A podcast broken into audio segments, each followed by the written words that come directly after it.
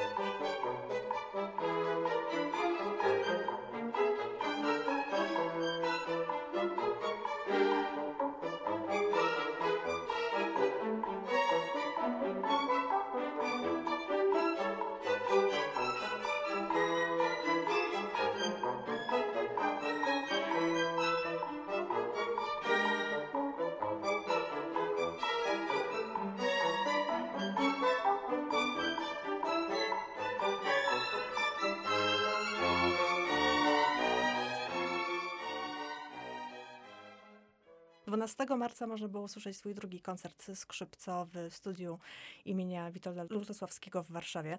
Ale zanim o tym utworze, to chciałam powrócić do przeszłości, do twojego pobytu w San Francisco. Czy to niejako ukierunkowało ciebie jako artystę i kompozytora?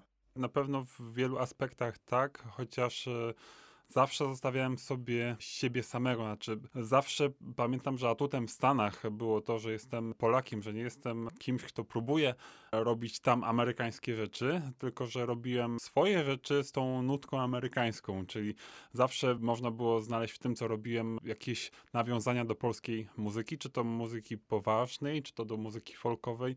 Ja często o tym mówię, że jako dziecko, jak kształciłem się w szkole muzycznej, ale grałem też w kapeli ludowej, którą moi rodzice prowadzili i równocześnie pasjonowałem się muzyką jazzową i te trzy światy gdzieś tam w mojej duszy grają i niezależnie, czy jestem tutaj w Polsce, to słychać inspirację muzyką amerykańską, czy jestem w Stanach i słychać te e, źródła polskie we mnie, myślę, że to wszystko składa się właśnie na Mateusza Smoczyńskiego. Okazja występowania z Turtle Island Quartet y, było chyba nie lada wyróżnieniem, ale z tego co wiem, nie była to łatwa dla ciebie decyzja, aby rzucić niemalże wszystko tutaj w Polsce i wybrać się tam na łącznie chyba 4 lata. Tak, to były 4 lata bardzo intensywne. Może też zacznę od tego, że wymyślenie zespołu Atom String Quartet, który w Polsce aktualnie ma dosyć sporo pracy i dużo sukcesów, było związane z tym, że kiedyś usłyszałem Turtle Island Quartet, e, dostałem od kogoś e, nagranie tego zespołu i pomyślałem sobie wtedy, że tak, rzeczywiście Kwartet smyczkowy jest to zespół, w którym da się grać e, muzykę improwizowaną, da się grać groove'y, da się grać muzykę swingującą, da się grać nawet rocka, czy wszystkie rozrywkowe gatunki i właśnie Turtle Island Quartet to mi udowodnił i kiedy ich usłyszałem, e, to zbiegło się z czasem, kiedy zdałem na studia do Akademii Muzycznej imienia Fryderyka Chopina. Tam spotkałem Dawida Lubowicza, o którym wiedziałem, że też improwizuje i pierwsze o co go zapytałem to, czy zna Turtle Island Quartet i czy może by był zainteresowany żebyśmy zrobili coś na kształt tego zespołu. I powstał właśnie Atom String Quartet na wzór Turtle Island Quartet. Po dwóch latach działalności Atom String Quartet dostałem maila ze Stanów, czy byłbym zainteresowany, żeby przyjechać i zagrać przesłuchania do ich kwartetu.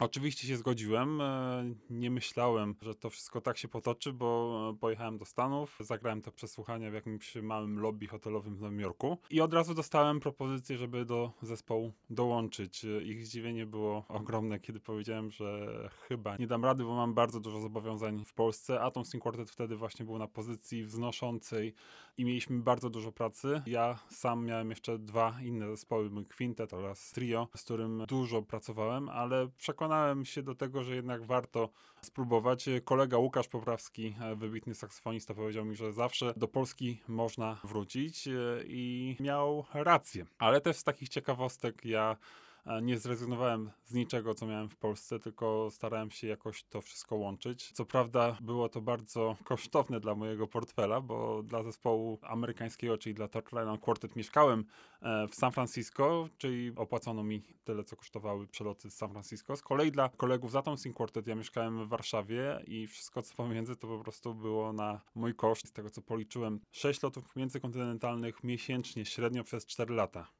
Sporo. No to sporo.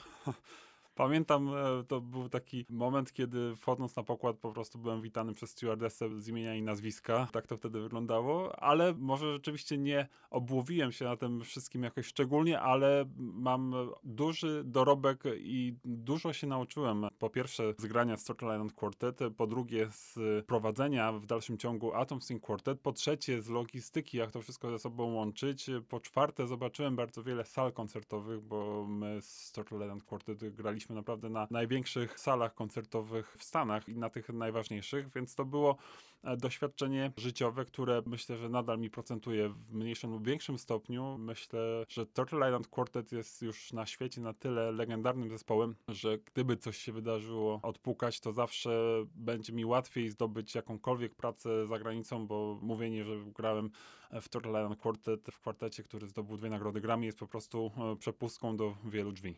Tak i na pewno to coś znaczy, ale z atomami też macie Fryderyka chociażby na koncie. Ale nie o atomach i nie o kwartetach mhm. dzisiaj, o twoich kompozycjach. W 2018 roku skomponowałeś swój pierwszy koncert. Jest to, jak mówisz, pełnowymiarowy koncert skrzypcowy, inspirowany twórczością Johna Adamsa. Dlaczego akurat wybór padł na tego kompozytora? Kiedy wróciłem w 2016 roku ze Stanów, usłyszałem muzykę Johna Adamsa w, w, polskim radio i było to ogromne zaskoczenie, ponieważ był to nowy smak, którego jeszcze nigdy nie próbowałem. Było to jak pierwsze spróbowanie cytryny. Znaczy, ja pamiętam, był to utwór Naive and Sentimental Music, który zresztą kilka dni temu usłyszałem w wykonaniu samego Johna Adamsa w Zurichu w Tonhalle i wtedy też udało się z nim spotkać i porozmawiać, ale to już taka znowu dygresja.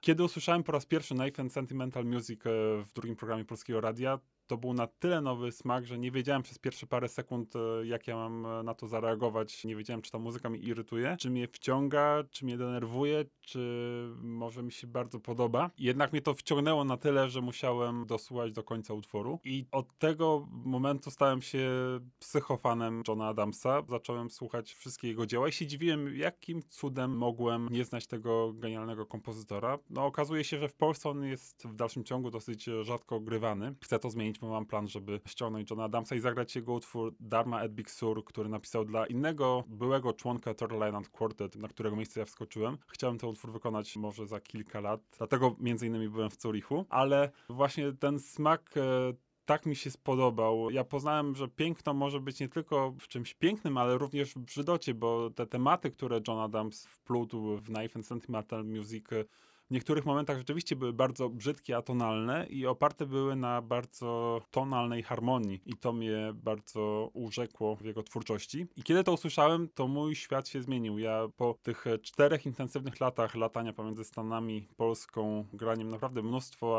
koncertów z jednym i drugim zespołem, z trzecim zespołem, jeszcze z jakimiś orkiestrami, ja byłem trochę przemęczony i przesycony muzyką, którą już znałem. Nie miałem pasji do tego, żeby znowu słuchać. Ja kiedyś byłem e, totalnym fanem, nadal jestem Karola Szymanowskiego, Johna Coltrane'a, Wayne'a Shortera, ale to już mi się trochę przepaliło i potrzebowałem nowego paliwa i tym nowym paliwem okazał się John Adams. Słuchałem mnóstwo jego nagrań, naprawdę wielu nagrań przez ostatnie lata. Myślę, że większość z nich znam bardzo, bardzo dobrze.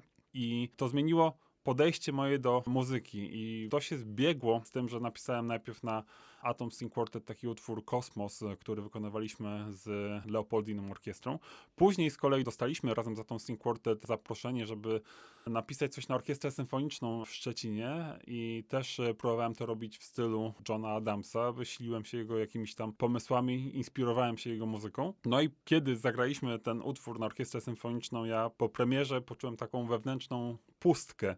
Pustka, która nawet zastanawiałem się, czy to nie jest jakaś depresja, że po prostu skończył się jakiś etap, zagraliśmy to, to się odbyło, mnóstwo emocji. I rano wstałem i tak poczułem, że ja muszę coś dalej pisać. I wykonałem telefon e, do jednego z organizatorów e, z Nospru. I on mi mówi, świetnym momencie dzwonić, bo właśnie wczoraj nam spadł symfoniczny koncert i potrzebujemy na zaduszki jazzowe coś nowego.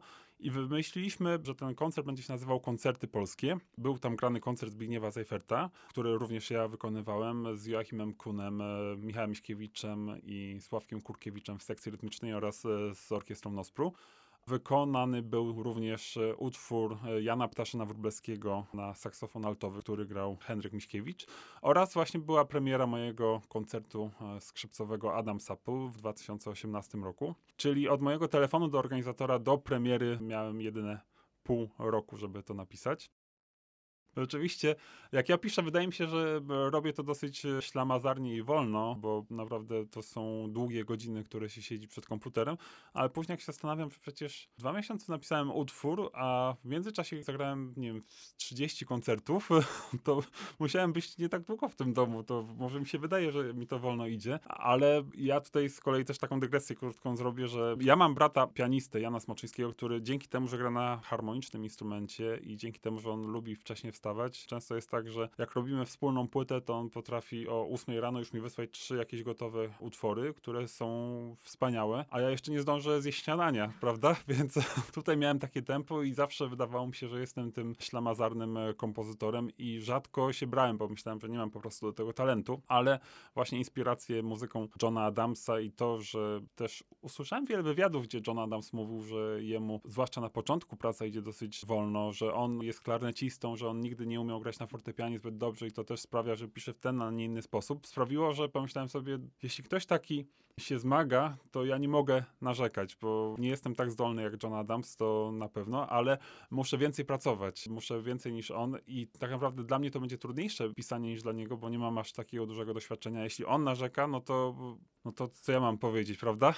I to mi dało takie odbicie, ja trochę uwierzyłem w siebie, w to, że mogę pisać. Napisałem ten koncert, który nosi tytuł właśnie Adam Sapu. Ten apostrof w tytule koncertu mógł być trochę innym miejscu, bo chodzi mi o Johna Adamsa. Ostatnio jak mu wręczyłem partyturę swojego utworu, no to był bardzo taki mile poruszony, albo udawał mile poruszonego, ale właśnie powiedział, że to jest e, wspaniałe i bardzo mi dziękuję. Dałem mu tą partyturę, mam nadzieję, że kiedyś zerknie do niej i posłucha nagrania, które się udało zrobić. I to był ten pierwszy koncert, w którym jest mnóstwo elementów właśnie inspirowanych twórczością Johna Adamsa, ale nie tylko, bo również i Turtle Island Quartet, które gdzieś tam w głębi mnie jest. Wszystkie te techniki, które stosuję w Adam Sapple, one też wywodzą się właśnie z muzyki bluegrass, one się wywodzą z Turtle Island Quartet, które zresztą jest takim połączonym e, zespołem z muzyków grających muzykę klasyczną, jazzową i muzykę bluegrass, więc to tam wszystko się ze sobą pięknie miesza. I ja z tych technik również korzystałem właśnie przy pisaniu swojego koncertu, dlatego on nie jest zupełnie w stylu Johna Adamsa, ale jest to styl Johna Adamsa łamany na Turtle Island Quartet, Atom String Quartet, doświadczenia Mateusza Smoczyńskiego w graniu muzyki szymanowskiego, klasycznej oraz w graniu